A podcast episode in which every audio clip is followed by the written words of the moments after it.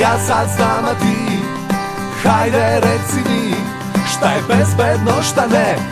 Naučili smo sve. Ja sad znam, a ti? Zbog manjka iskustva, a vrlo često i znanja, deca su najosetljivija i najugroženija grupa učesnika u saobraćaju. U našoj zemlji najveći broj dece se povredi, ali nažalost vrlo često i strada prilikom vožnje automobilom, pa onda pešicem ili biciklom. Da bismo bili potkovani znanjem i znali šta je uvek ispravno da radimo na ulici prilikom pelaska preko pešačkog prelaza ili na semaforu, danas smo razgovarali sa autorom knjige Rumenko u saobraćaju. Pa poslušajmo zajedno. Brine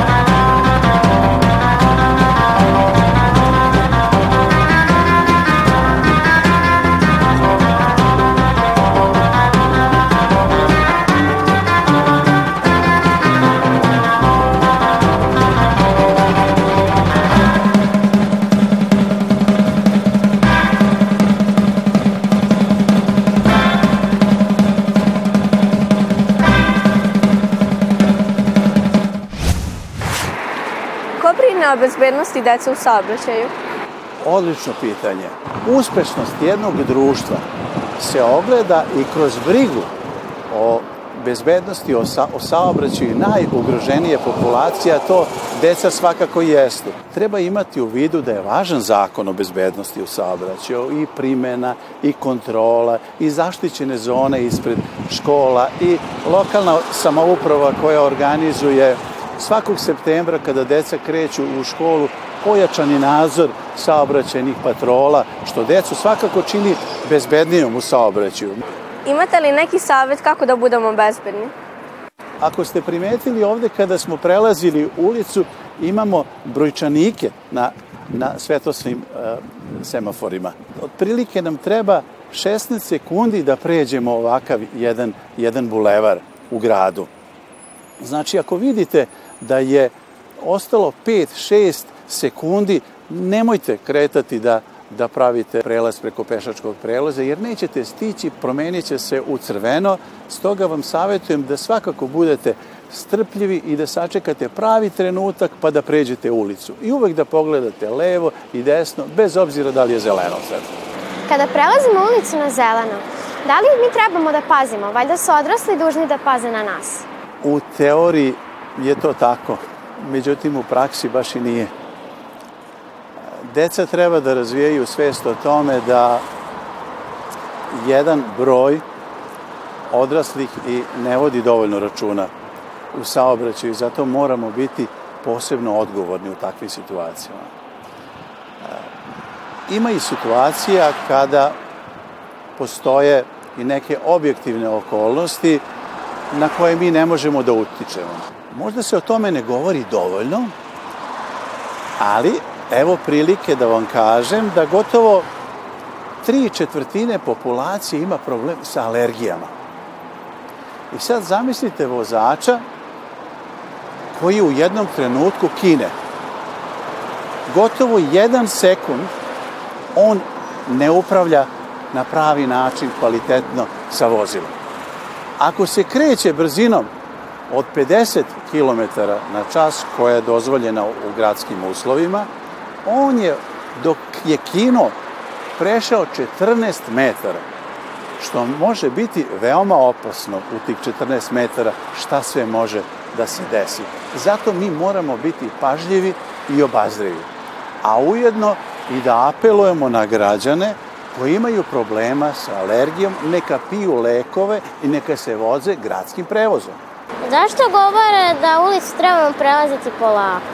Zar nije lakše da požurimo, odnosno da pretrčimo? Bilo bi lakše da je to neki poligon za igranje, za neki sport, pa da pretrčavamo, da se igramo i tako dalje.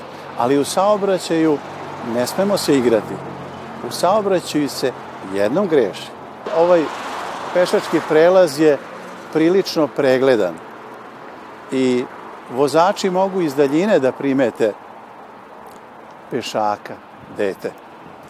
Međutim, zamislite da su parkirani automobili, da su okolo drveća i da vas e, vozač i zbog, to, i zbog visine ne vidi dobro i da vi u tom trenutku istrčite bez obzira što je, što je zeleno na semaforu.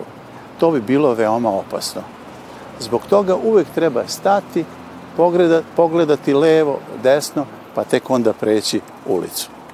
Svakako imam savet da pročitate Rumenka u saobraćaju. Ovo je dodatno nastavno sredstvo za prvake uz predmet svet oko nas. Ima izuzetno zanimljivih situacija, jer Rumenko je jedan kulturan dečko koji vodi računa o saobraćaju, disciplinovan je i po prvi put kreće sa svojih 10 godina ne kod bake, nego kod teke. Crvenkapica ide kod bake, a Romenko ide za promenu kod deke.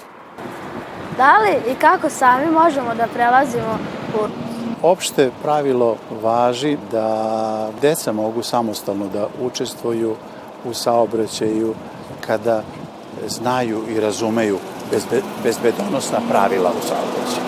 Tako da do desete godine bi trebalo da budemo uz pratnji odraslih osoba. Svi učesnici u saobraćaju obavezni su da vode računa o drugim učesnicima. To važi i za pešake. Nikako ne pretrčavajte ulici. Nosite neki deo odeće u boji koja je dobro uočljiva, poput fluorescentnog prsluka ili kačketa. Ako je na semaforu zeleno svetlo za pešake, vi imate pravo prelaska ulice na zebri. Ali i tada treba biti oprezan i voditi računa da su vas drugi učesnici primetili i na vreme reagovali. Ne koristite telefon dok se krećete pored saobraćajnica. Da bi bio bezbedan i sam moraš voditi računa o svojoj bezbednosti, a ne samo računati na odrasle. Zato oprez. Sada znate, budite pažljivi kao rumenko. Uvek dobro promislite pre nego što odreagujete, a isto savetujte i svoje drugare. Ostanite pametni i bezbedni. Ja sad znam, a ti Hajde reci mi Šta je bezbedno, šta ne Naučili smo sve Ja sad znam, a ti